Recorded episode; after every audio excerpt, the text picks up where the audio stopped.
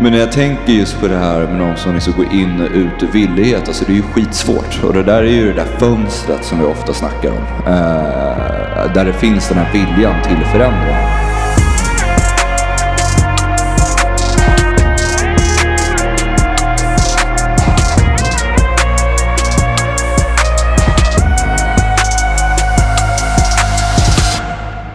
Ja, det är onsdag igen. Jag heter Nemo Hedén. Podden heter En beroendepodd. Och här sitter jag med mina kära vänner och kollegor från The House Rehab. Till vänster har vi Felix Granander. Tjena, tjena. Tjena Felix, hur mår du? Jag mår bra. Hur mår du? Jag mår bra. Jag är peppad på att podda lite. Jag med. Man är glad nu. Det är sol. Ja, det gör mycket för skallen. Mm. Jättemycket. Och emellan oss har vi Mr Boman. Sitter med telefonen. Är du redo än eller? Jag är redo. Jag skulle bara tala om för nästa möte att vi satt i podd och att vi kanske kan bli några minuter sena. Uppskattas att ni prioriterar det här. Vad härligt. Hur mår du? Jag mår fint, tack. Härligt. Är du också ute och njuter av solen? Ja, men det är precis det jag skulle säga. Man blir ju glad, så jag blir glad. Vi blir glada så fort solen kikar fram. Um, Så är det verkligen. Och, och, och eh, vi vill ju också säga det till våra kära lyssnare att ni får jättegärna följa oss på Instagram. Där heter vi kort och gott en beroendepodd i ett ord. Och ni får gärna skicka recensioner och kommentarer och sånt på mm, ja, där ni lyssnar på poddar. Om det nu är podcaster eller vilken poddspelare ni än använder. Idag så ska vi svara på um, lite lyssnarfrågor. En liten frågespecial. Efter succén senast. ja, nej, men det blev ju väldigt uppskattat. Ehm, så vi tänkte ju att vi lägger in det här. Och jag, och jag skulle också säga att vi tycker det är väldigt roligt att göra. Det är, det är fint. Verkligen, och i takt med att podden har växt så mycket så har det ju rasat in frågor. Så jag tänker att det här kommer bli som en stående grej, att vi klämmer in lite frågepoddar då och då. För att många verkar uppskatta det och det är ju så himla härligt. Verkligen. Men innan vi drar igång så vill jag ändå kolla lite, hur går det med The Mansion som ni öppnade ganska nyligen? Hur har öppningen varit och hur är känslan och allt kring det? Det har tagits emot jättebra. Eh, väldigt, väldigt fint. Och klienterna eh, uppskattar det enormt. Tycker att det är väldigt fint. Eh, professionellt naturligtvis. Och, eh, Det känns jätteroligt alltså att öppna mansion. Såklart att öppna Skeppsbron var en jättestor grej för oss och något vi arbetade mycket på. Men när jag, när jag och du verkligen började, när vi började jobba tillsammans så var det alltid med liksom, en gård in mind så att säga. Med eh, öppenvården här, med för eftervård och individuella behandlingar och allting.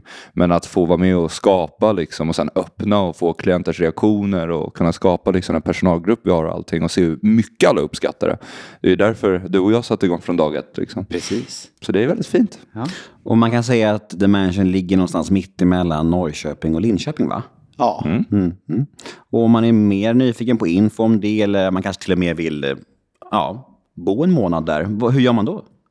då kontaktar man ju oss eh, via hemsidan. Eh, man kan mejla till Sandra eller Alicia. At thehouserehab.com. Eh, man kan kika på vår hemsida och eh, läsa informationen där.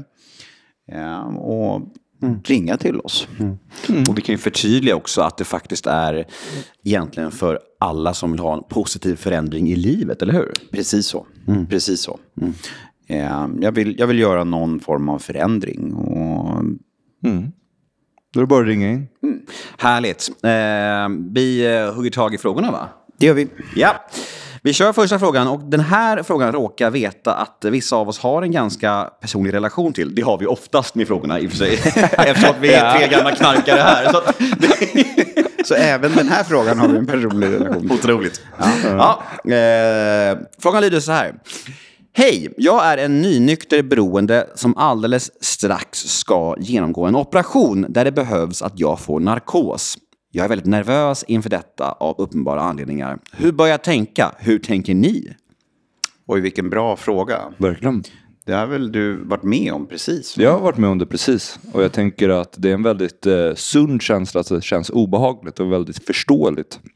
Det blir ju att vi på något sätt ska komma i kontakt med en sinnesförändrande substans. Nu är ju inte narkos på samma sätt en sinnesförändrande substans som man kanske har använt. Men det är ju i närområdet på sätt och vis, just med att vi förlorar kontrollen över vår kropp och sinne och hela den biten. Och en av de viktigaste grejerna med det är ju verkligen att prata med folk. Alltså prata med sin sponsor eller prata med sin terapeut om man har det. Liksom, eller prata med folk i gemenskapen om man är med i en gemenskap. Och framför allt prata med läkarna på plats. Ofta så är det så att vi nästan kan dra oss för att prata om vår liksom, missbruksproblematik inom sjukvården. Men det är av otrolig vikt. Jag gjorde det här senast och då fick jag det också journalfört och det behöver man inte få om man inte vill. Eh, att jag har den här typen av historia. Men det gav också narkosläkaren och läkarna på plats en chans att liksom ändra i den här kocktiden som man får eh, med smärtstillande och hela den biten. Så då istället för morfin och vissa saker så tog de vissa typer av betablockare tydligen. Jag är ingen expert på det här. Men de ändrade i vad man får för att göra det till en eh, bättre upplevelse för en eller vad man ska säga. Hur brukar ni göra eh, ur ett rent terapeutiskt perspektiv när klienter har oro inför just detta, Robert? Nej, men vi, vi pratar om det precis som Felix beskriver det. Det är ju inget återfall om, om jag behöver göra en operation eller av andra anledningar får en medicin utskriven som jag, som jag mm. behöver. Eh, eh, utan då är det viktigast att, att eh, jag informerar dem runt omkring, eh, att jag talar med min terapeut eller om jag inte går i behandling, talar med min sponsor eller som Felix säger, nära och kära runt omkring. Att jag informerar om att jag ska göra det här. Mm. Eh, jag kommer kanske att få det här utskrivet. Jag ska ta det så här ofta. Och det, jag ska ta det under den här tiden. Mm. Så att människor i min närhet är medvetna om vad det är ska ta. Du eh, lyckades ju välja bort det helt och mm. hållet, vilket är, är jäkligt tufft, mm. eh, vill jag säga. Och, och, men i många fall så, så går ju faktiskt det. Absolut. Så det handlar ju om att, att prata med läkaren, berätta vad, vad är det jag lider av? Och även jag har inskrivet i mina journaler att jag är allergisk mot narkotiska preparat. Mm. Det, här, det här har läkarna frågat mig om flera gånger när jag har kommit in till sjukhus av olika anledningar. Det står att du är allergisk mot narkotiska preparat, vad betyder det? För de har faktiskt inte kunskap alltid mm. om det här. Ehm, och så får jag förklara, men, men bara det att det står där mm. är, är oerhört viktigt. Då har jag liksom satt den första gräns och jag får möjlighet till, till ett ärligt och bra samtal med, med läkaren. Mm. Ja, jag opererades akut för, för vad är det, drygt tio år sedan. Och, och i en akut historia där jag faktiskt höll på att förlora livet. Ja, och jag minns egentligen ingenting från, från att jag rullades in på operationsbordet. Och, eh, men jag har tydligen sagt innan jag sövs ner att jag är allergisk mot narkotiska preparat. Ni får inte ge mig morfin efteråt. Mm. Eh, I det här fallet så var det omöjligt att, att, att inte få morfin efteråt. Men det intressanta här var ju att, att jag har då i det här blurret ändå sagt att okej, okay, men ni får inte ge mig mer än ordinerat. Och, och det här är viktigt att det mm. liksom hålls koll på.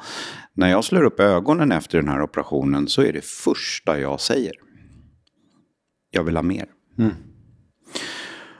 Och det är så vår kropp fungerar, för det här är ju viktigt någonstans. Att våra kroppar gör ingen skillnad på om det är en legal drog mm. eller en illegal drog. Vi kommer att reagera. Ja, så är det. Och i det här fallet då så hade jag, jag hade min sponsor bredvid mig, jag hade pratat med nära och kära mm. direkt efteråt. Jag berättade om att kommer jag ligga kvar på sjukhus i en och en halv vecka det är det här jag kommer få. Det gjordes upp sen då en plan med läkare.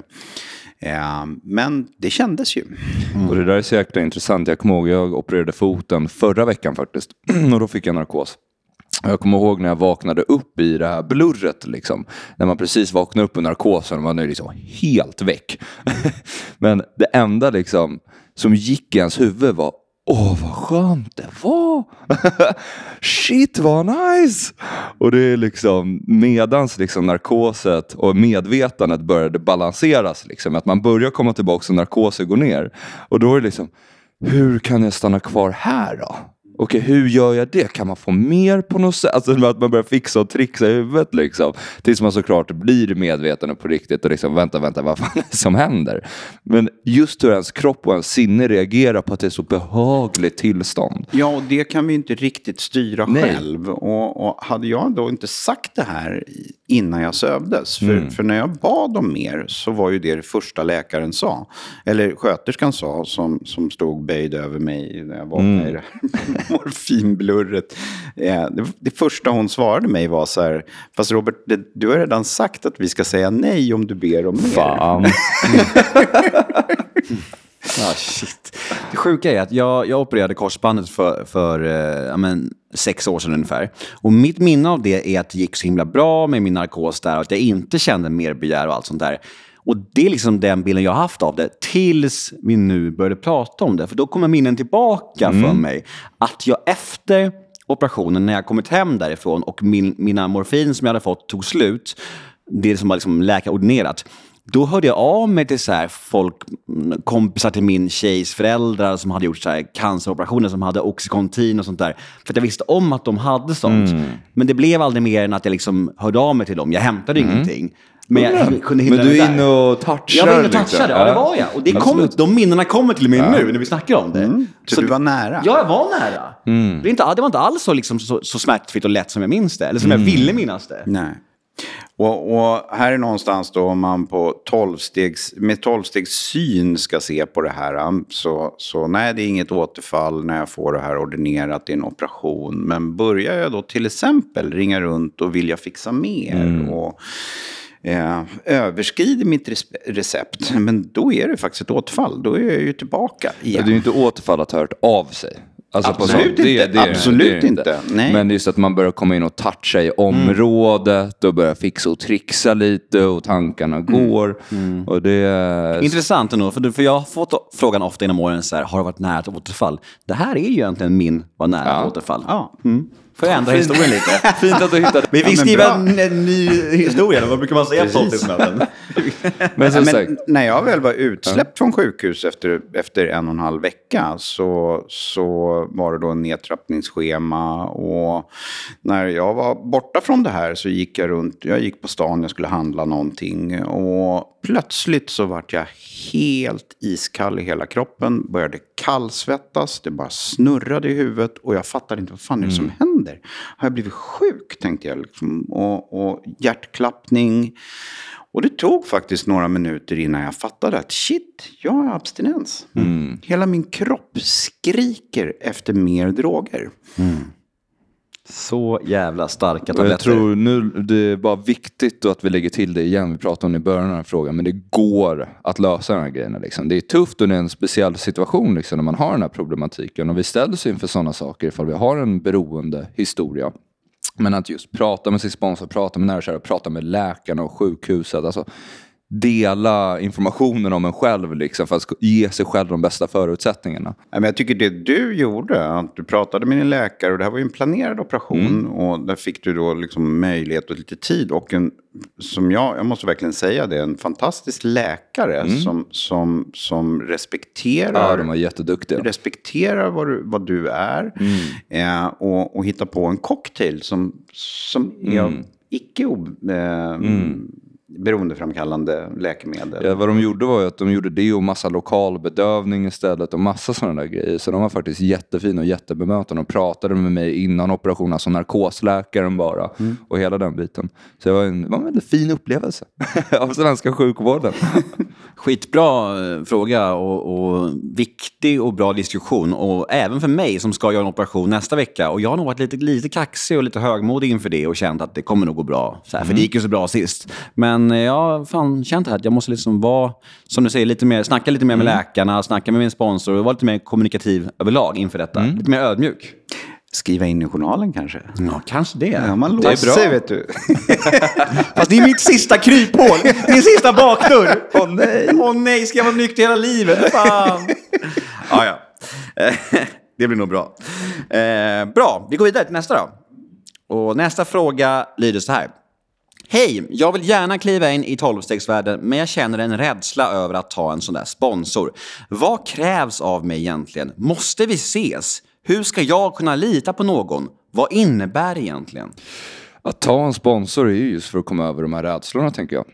För det är ofta de här rädslorna som skapar liksom våra isolerande beteenden när vi inte liksom delar om våra känslor eller vågar sträcka oss ut till en annan människa eller vågar ta hjälp av andra människor. Och när vi tar en sponsor då sätts vi i den här situationen just att behöva prata med en annan människa. Behöva träffa den här människan, behöva göra de här sakerna. Och även fast det är läskigt så är det fortfarande bra. så jag tror att det är en av de viktigaste punkterna när det kommer till just det. Mm. Och vad som krävs, det, alla sponsorer är ju olika. Mm. Ja, men de är snälla. Men, men är snälla, vanligtvis i alla fall. Det finns säkert de som, som inte sköter sig heller. Mm. jo, men det är klart att vi kan ju inte sticka under stol med att vi har hört skräckhistorier. Ja, ja, så är det. det. det. hör man i, i programmet. Och det är ju bara människor helt mm. enkelt. Eh, men jag tänker precis som Felix att, att det här handlar ju om att, att faktiskt också bryta mina rädslor. Och, och mm. kanske, jag kanske ska säga det här till sponsorn då. Att jag tycker det här är jobbigt, jag tycker det är mm. obehagligt. Mm. Eh, och, och stä, också ställa frågan, hur brukar du göra? Ses man? Mm. Eller pratar man på telefon? Och, och träffar man en bra sponsor så går det säkert att hitta modeller, ja, modeller som, som jag känner mig bekväm med också. Mm. Men det handlar ju faktiskt också, precis som Felix säger, att bryta isolering. Och, för i vårt missbruk så har vi ju varit väldigt isolerade ja. och väldigt ensamma i våra tankar och känslor. Och en stor del av tillfrisknandet är just att börja vara ärlig om de här sakerna och öppen om de här sakerna. Och att inte bära på allting själv. Att våga lita på den här främlingen som säger att han eller hon har en lösning. Um, men sen tänker jag, vi har ju pratat om sponsorskap tidigare, men jag tycker att det här är en, det här är en viktig och bra fråga. Jag tycker gott att vi kan upprepa mm. lite saker om vad sponsorskap mm. är. Och, och, ehm, Så vad är en sponsor, Robert? En sponsor är någon som själv har tagit sig igenom programmet. Eh, som ska visa mig genom programmet. Den ska inte göra någonting annat mm. än att visa mig genom programmet. Um, och det finns ju mängder av olika saker man har hört genom åren. Yeah. Eh, och, och, en sponsor ska vara så lik mig som möjligt. Och, och det måste kännas så rätt som möjligt och vänta. Som möjligt. Precis. Eh, och här, här tycker vi någonstans att Nej, men den behöver inte alls vara så lik mig som möjligt. Man behöver inte se det här som större än, än om jag ska ta körkort. Eh, då kanske jag börjar på en bilskola och då får jag en körlärare. Mm. Jag, jag, frågar inte hur många barn han har eller vilken Vad musik han gillar. ja, jag vill så körlärare. ja. Vad jobbar du med, körskoleläraren? Nej, men utan jag, jag, får den här körläraren och, och, han eller hon ska lära mig att köra bil. Och jag ska se en sponsor på precis ja. samma sätt. Sen kan det vara så när jag sitter där och lär mig köra bil att jag blir jättebra kompis med den här körläraren. Mm. Man spenderar mycket tid tillsammans. Man spenderar mycket, spenderar mycket tid tillsammans. Eller så kan det vara så att jag blir, inte alls, nej, men jag blir inte alls bra kompis med den här, men han lär mig köra bil. Liksom. Mm. Ehm, mm. Och precis så här fungerar sponsorskapet. Liksom att, nej, men det kan vara så att man kommer jättenära varandra. Men det kan vara så att den här personen bara visar mig genom stegen. Ja, det handlar inte om att skaffa en kompis. Nej, det handlar inte om det. Sen kan det ju vara så att jag sitter där och, och lär mig köra bil och jag tycker att nej, jag gillar inte den här körlärarens värderingar. Eller liksom, mm. det, det, funkar verkligen inte. Jag tycker den kränker mig. Eller, ja. Ja, det känns inte bra. Och då går jag kanske in på körskolan och ber om att få byta körlärare lärare. Och det är faktiskt inte svårare när det kommer mm. till sponsorskap. Jag kan byta sponsor om jag inte tycker att det fungerar eller känns bra av olika anledningar. Precis som sponsorn naturligtvis kan säga sorry men det här funkar inte. Mm. Ja. Jag kommer ihåg första gången jag skulle plocka en sponsor. Det var på ett eh, konvent. Vi var, hade fått lite permission från behandlingen eh, som vi var på. Då, augusti 2015. Vi gick runt på det här konventet, jag tror det var i Västerås, ett Sverigekonvent. Vi gick runt där och skulle hitta någon sponsor då. Och då, då kollade jag efter så här, vilka som såg coolast och snyggast och rikast ut. Och då gick jag fram till en gammal eh, poddgäst här, Henrik Velin, som vi alla känner. Han, så, han ser ju väldigt cool, Han är snygg. proper. Han är proper, han är businessman. Och jag bara, wow, kan man se ut sådär? Som en gammal knarkare, han måste jag. Och han hade tyvärr fullt i sitt då, sponsistall. Så han gav mig till sin sponsi, eh, som tog sig an mig, som var något helt annat. Men det är också det, jag är ju här nykter och drogfri sen dess. Och det kanske var det jag behövde, alltså en person som inte skulle bli min kompis. Eller så här. Någon som jag bara kunde ha som Verkligen. just min sponsor. Verkligen. För annars blir det så här, åh jag vill så gärna bli kompis med dig och då blandar man ihop saker och så här. Det kan ju vara bra med andra Jag tror, jag Ja. tror att för mig var det jätteviktigt. Hur jag tog min första sponsor var för att jag tyckte han hade en skön röst på ett av de första C-mötena jag var på. så efter mötet gick jag och letade efter den där rösten. Liksom, bara, "Wow, han, lät, så- han, lät, han lät bra liksom. Och det, så haffade jag honom och vi blev inte alls kompisar. Alltså på det sättet. Sen hade vi jätte, en jättefin sponsor och sponsirrelation som var väldigt hård. Liksom. Men hade jag haft någon som liksom började gulla med mig eller som jag letade efter någon som matchade mig och någon som jag visste lite hur jag skulle spela. Det hade inte blivit lika bra alls. Som man vill hänga med och så här. Ja. Det viktigaste är att man känner tillit för personen. Och det är väl Verkligen. det. Viktigast är att man känner tillit och, och framför allt att jag ser ett, ett bra positivt tillfrisknande hos Ja, personen. han har något jag vill ha eller hon har något jag vill ha. Precis så, precis så. Och precis som jag då, nej men jag, jag behöver ju känna att det är en bra bilskola. Naturligtvis som jag går till. Och, och på samma sätt med en sponsor. Men sen finns det ju också en massa andra grejer i sponsorskapet. Eh, Det, finns, det står ingenstans i stora boken att, att ehm, ehm, män ska vä- vägleda män och kvinnor ska vägleda kvinnor. Men det är, är en, en eh, generell liksom, tanke i gemenskapen att kvinnor bör hålla sig till, till kvinnliga sponsorer och män bör hålla sig till manliga sponsorer. Eh, jag tycker att det här är sunt. Ja. Och även om, även om jag har koll på mina känslor för en annan person så kan jag ju faktiskt aldrig veta vad som händer för, för den andra personen. Verkligen. Ja, så det här tycker jag är en bra regel att, att ett bra förslag snarare än regel, men ett bra förslag att försöka hålla på. Det blir lätt geggigt så att säga. Ja, men man sätts i en Ja. väldigt speciell situation och en speciell kontext och en speciell relation med sin sponsor där man delar väldigt personliga saker och man delar man går verkligen in på djupet med varandra. Och jag tror att i ny, ett nynyktert tillstånd så kan det bli väldigt förvirrat, men även för en person är tillfrisknande. Eh, och det där ska liksom inte höra till en sponsor sponsorrelation. Nej, och en sponsor är ju ingen utbildad terapeut. Den har inte genomgått någon form av utbildning. eh, Utan är en, en vanlig människa. Och, och det kan vara svårt att hålla koll på gränser och så Ja. vidare. Här på House så, så har ju vi eh, så mixar vi manliga och kvinnliga klienter ehm, och våra kvinnliga terapeuter tar emot manliga klienter och våra manliga terapeuter tar emot kvinnliga klienter. Men de får naturligtvis välja. Eh, om, om en kvinnlig klient eh, säger att jag vill absolut inte ha en man så får de en kvinna naturligtvis. liksom. Mm. Jag kommer ihåg när jag bytte sponsor efter drygt ett och ett halvt år i programmet. För att jag kände att jag behövde göra om stegen, jag behövde få en ny röst, jag behövde få lite nya infallsvinklar. Och som sagt, det händer ju. Folk gör om stegen, folk byter sponsor. Ja, det, eh, och, men då blev min sponsor ganska, ja, men han blev ganska sårad och tog det lite personligt och hade lite svårt att släppa det. Och jag tyckte att han bara, ja men det här kan man, släpp det bara, vad fan, det är väl inte värsta grejen. Tills jag själv var med om samma sak. När min första sponsor bytte sponsor och gjorde, om stegen med en annan. Jag var så Fy ledsen. fan vad dåligt ni mår. Ja, men det var jä- jag blev så ledsen. Jag bara så här, "Va? jag är så dålig och jag känner mig så sorgsen och så här. För det var liksom, han var ju min, liksom, min bragd. Mm. Förstår du vad jag menar? Absolut. Min första sponsor. Vi, vi, vi är ju nära vänner idag, men det var en period där, där jag eh, hade exakt lika jobbiga känslor som min sponsor hade några år innan för mig. Nej. Det är så, det är ju känslor liksom. Och det fanns något i det att lära sig för dig. Vi lär oss hela tiden, det är det fina.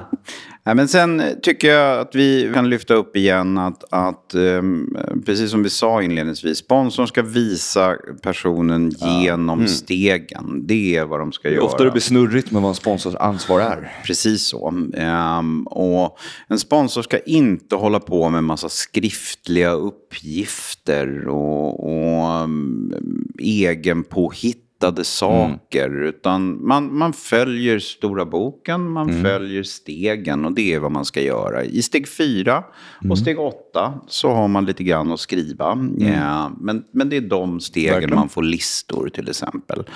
I övrigt så, så hör inga egenpåhittade uppgifter dit. Eh, och, och det är viktigt, för här hör vi faktiskt en hel del mardrömshistorier om hur, hur sponsorer försöker styra och tala om vad, vad eh, sponsorer ska göra och hur de ska bete sig och så vidare. Och, Det är ofta, och det är just precis där som du säger Robert, med att det handlar om stegen.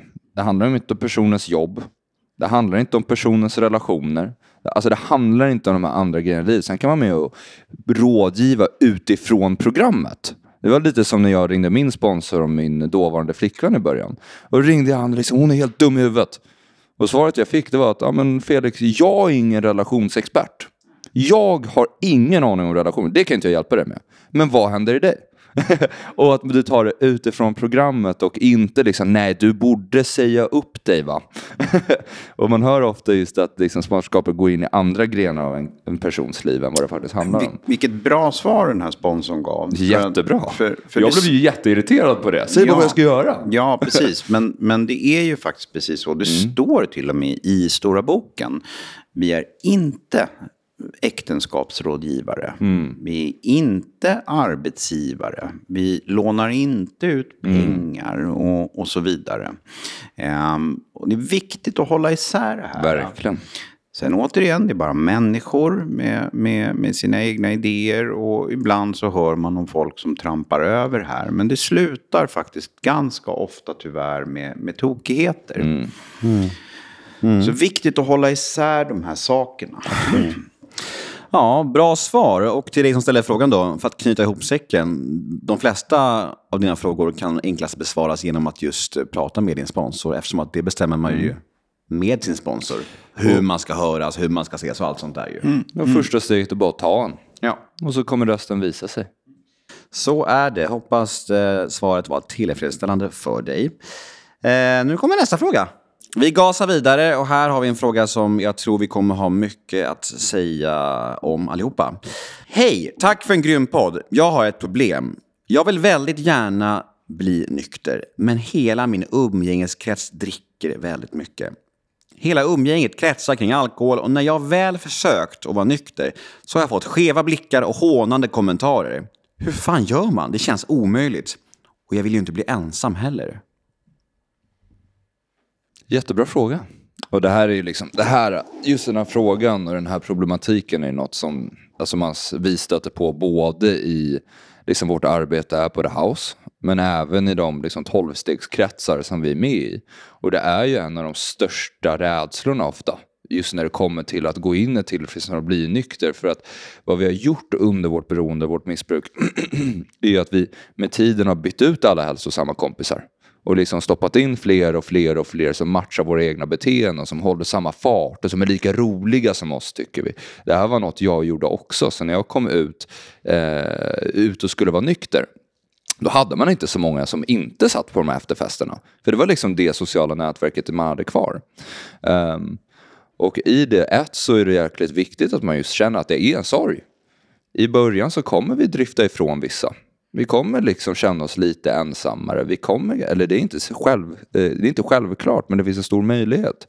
Och det är just därför som vi pratar så himla mycket om att träffa nya typer av människor. Eh, kanske gå med i en gemenskap och träffa andra som är ett tillfrisknande.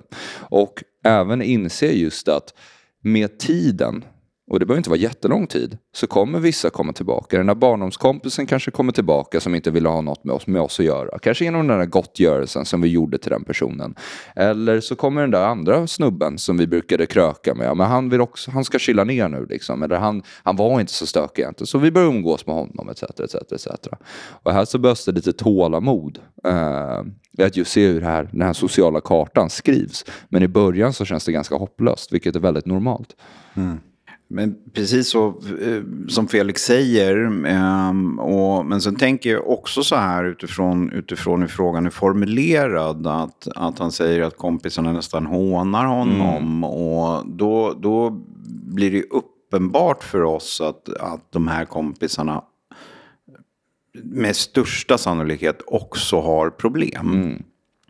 Eh, annars så hade de ju stöttat um, och, och, sagt att Nej, men det är lugnt och vi, vi ses på lunch istället. Och... Det är ju den erfarenheten man har, att de enda som är ifrågasättande ja, så, var ju människor som själva problem. precis, precis så. Och här, är, här är det viktigt att peppa, vilket jag har sett det här många gånger under de här åren, att, att liksom peppa den här personen som är, som är först in i tillfrisknandet av kompisgänget. Mm. Att liksom de kommer komma. Dina mm. kompisar kommer att komma. Jag har sett det hända så många gånger.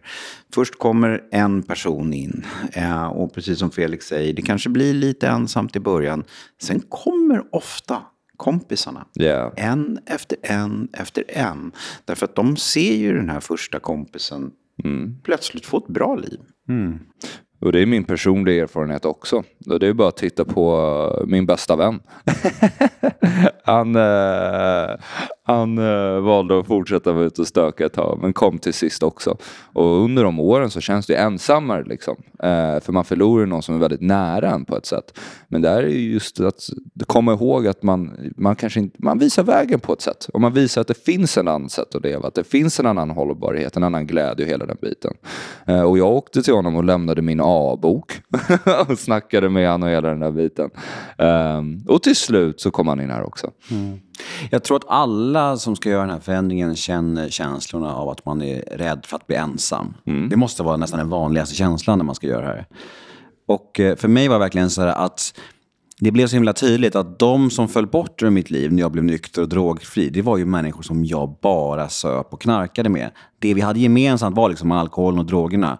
Och då kände jag så här efter ett tag att om det är det vi har gemensamt, ja. om vår vänskap bygger på det, vad fan är det för vänskap då? Jag kommer ihåg det För de riktiga vännerna fanns ju kvar. De gjorde mm. jag bara andra saker med. Vi gick på bio, käkade middag och hängde. Och det blev snarare som en nödvändig gallring liksom. Ja. Det finns ett uttryck som heter Do you wanna know who your true friends are? Get sober. Ja. Det är så jävla bra, för det är ju så. Ja, det är precis så. Det var en jättebra sägning. Ja. Um, och sen tänker jag också att det är här som det, som det också är viktigt då om jag gör en behandling eller om jag uh, går in i tolvstegsgrupper. Uh, att här har jag faktiskt också chans att träffa nya, nya vänner. Mm. Uh, och tolvstegsgemenskapen kallar just, kallas ju just gemenskapen. Mm. Och vi behöver gemenskapen mellan mötena. Mm. Jag har fortfarande fram till idag aldrig sett någon ta ett återfall på ett möte. Nej. Men väldigt många tar ett återfall precis innan ett möte eller direkt efter ett möte. Mm. Inklusive mig själv. Eh, och det är här jag behöver gemenskapen. Jag behöver vänner runt omkring mig. Ja. Och, och, det finns inget bättre ställe än, än att faktiskt gå in i tolvstegsgrupper. Mm. Ja, man vill ju ha vänner som vill vara med en för att man är där man är, inte för att de vill ha någon jävla människa att supa och knarka med. Liksom. Jag kommer ihåg det där du precis nämnde Nemo, med att uh, man märkte att det enda vi hade gemensamt var det här kaoset. Mm. Det här mörkret, liksom. de här efterfesterna, de där galna historierna man liksom livnärde sig på. Mm. Och det, sen när man kom in i tillfriskning, man, ja men vi tar en kaffe. Mm. Stelt. Ja, stelt. stelt. Ja, jag vet. Så bara satt Ja, jag försökte. Allt bra eller? Man hade ingen gemensamt.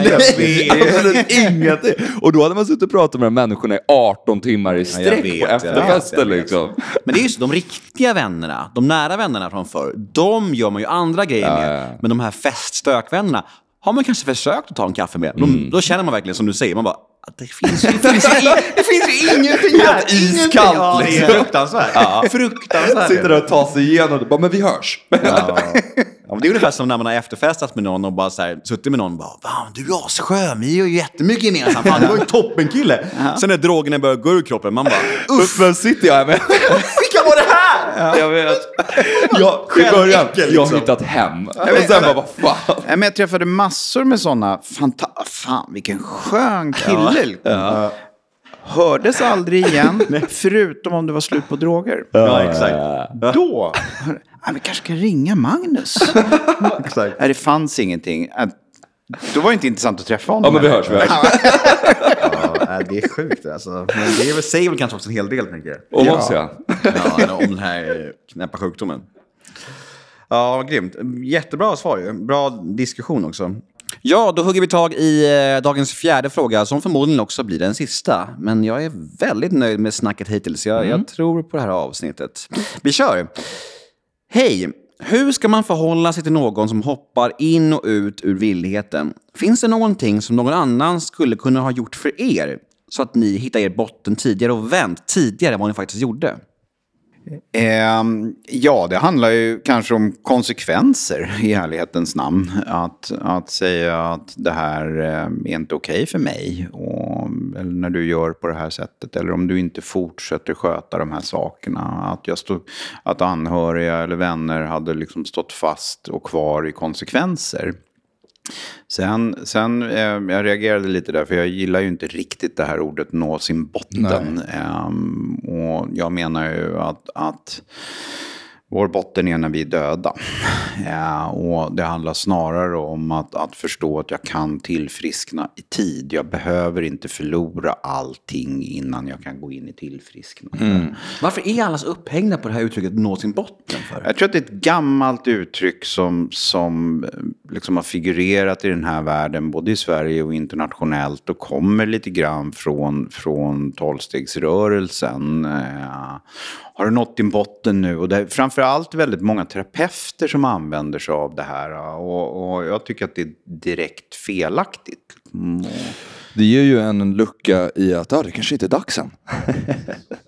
det är så jag hade reagerat på det i alla fall. Vadå, jag, är ju, jag, bor ju, jag är ju fortfarande ett hem och allting. Det var så jag reagerade.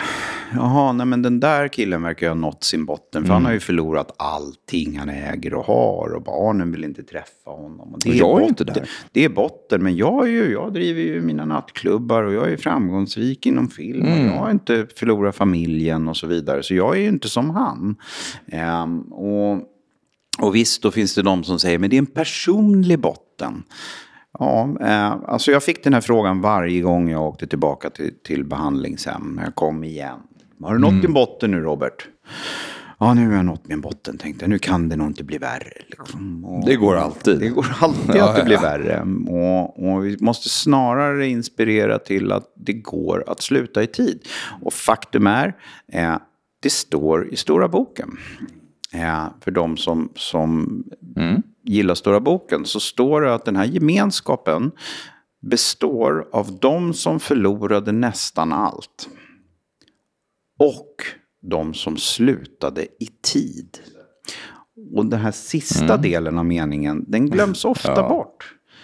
Eh, för det här har vi, ni, vi har säkert hört det allihopa. Folk som, ja, men jag är inte som han och jag har inte knarkat så mycket och jag dricker ju inte så... Jag känner inte igen Jag mig. känner inte igen mig, det är så mycket värre för dem. Och... Det är ju typiskt oss alkoholister och narkomaner att vi väljer att plocka bort vissa bitar ur en text och fokusera på bara en bit och bara, mm, där står det sådär. Vi ser inte den andra biten. Nej. Det är ungefär som den här texten, ja, men gå in på närmsta bar och prova och dricka under kontrollerade former. Boom. Ja, exakt. Det läser vi, men inte det här, prova och göra det mer än en gång. Ja. Det är liksom det som är relevant i frågan, men det skiter, skiter vi gärna i. Skiter det. Så jävla dumt. Så här, som att vi har luckor liksom i vårt, vad vi väljer att ta in och inte. Liksom. Men när jag tänker just på det här med någon som liksom går in och ut ur villighet, alltså det är ju skitsvårt. Och det där är ju det där fönstret som vi ofta snackar om. Eh, där det finns den här viljan till förändring. Och precis som du säger Robert, när det kommer till konsekvenser, att det kanske är det som saknas och att det faktiskt händer någonting av att inte liksom, faktiskt satsa på tillfrisknande, vad man ska kalla det. Vad som var i min erfarenhet och vad jag tror liksom, gjorde att jag fortsatte under en tid. Och jag kanske har glömt bort att det här har hänt. Men det var ingen som riktigt satte mig ner innan min intervention med dig då, då och liksom verkligen berättade vad jag höll på med. Eh, det var ingen som riktigt vågade ta den där tuffa snacken med mig, utan folk gömde sig ganska mycket för det jag höll på med. Liksom, ja men det är nog okej. Okay. och för mig så tror jag att jag hade fått insikt i alla fall tidigare, inte kanske för att jag hade blivit nykter direkt, men jag tror jag hade fått insikter tidigare av att någon satte upp gränser eh, kring mig. Eh, många lämnade eller sa ingenting istället och gömde sig för det. Vilket är förståeligt, alla reagerar olika. Ja, nej, men det säger min, min äldsta barndomsvän också. Att jag önskar att jag hade vetat mer. Liksom, mm. Hur, hur jag hade kunnat hantera det här. Och, och satt tydligare gränser. Mm. Och, sen är jag oändligt tacksam till, till, till honom för, för alltid. Han var den sista som var kvar i missbruk när alla andra hade lämnat. Och han mm. fortsatte försöka stötta på alla sätt. Liksom. Men... men ehm, Alltså det är väl det enda man kan säga egentligen till, till personen som frågar här. Finns det någonting man kan göra för att folk ska hitta sin vändning tidigare? Försöka sätta gränser. Ja, eller? och är det så att personen inte gör någonting i fråga så måste man sätta sina egna gränser. Och där kommer man in liksom på nästa del av svaret. Och det är till slut så måste man liksom ta beslut för sig själv. Ska man vara kvar eller inte? Vill man ha en relation eller kontakt med den här personen eller inte? Vill man ta en paus för den här personen? Det som, var, det som var en stor skillnad för mig när jag väl kom in i tillfrisknande efter liksom åratal av att försökt och behandling in och ut och olika gemenskaper in och ut. Det som var en stor skillnad när jag till slut kom in i tillfrisknande var att jag jag kunde verkligen se min egen del och mitt eget ansvar. Och, och här sa jag till min omgivning att, att men när de ställde frågan då, men, men hur kan vi veta? Och hur kan man mm. vara trygg? Och, och, och, så vidare, så minns jag att jag sa till dem att den dagen jag säger att jag inte längre behöver det här programmet, Mm. Då kan du ringa ett behandlingshem eller en begravningsbyrå, för då har det gått ganska långt. Liksom. Och, men, men var också medveten om många saker. Jag minns att jag, när jag försökte lappa ihop äktenskapet, var, var liksom, skaffade också en lägenhet, en liten andrahandslägenhet, som, där jag var tydlig mot, mot min dåvarande hustru att, att om jag återfaller så är det jag som flyttar ut. Det är jag som flyttar på mig. Du ska aldrig behöva flytta på dig. Och, och gjorde upp de här liksom, eh, konsekvenserna för mig själv faktiskt. Mm. Eh, och du är ett tecken på tillfrisknande. Ja. Eh, för innan så hade det ju bara bråkat så du ska ut och det här är min lägenhet. Och det här hör ju vi liksom från var och varannan klient. Mm. Hur, hur man håller på att bete sig mot sina anhöriga. Um, sen om vi ska vara lite tuffa avslutningsvis då. Um, naturligtvis ska vi ju hjälpa våra, våra nära och kära som är i missbruk. Men om vi ska vara lite tuffa och hårdra det här lite grann. Eh, så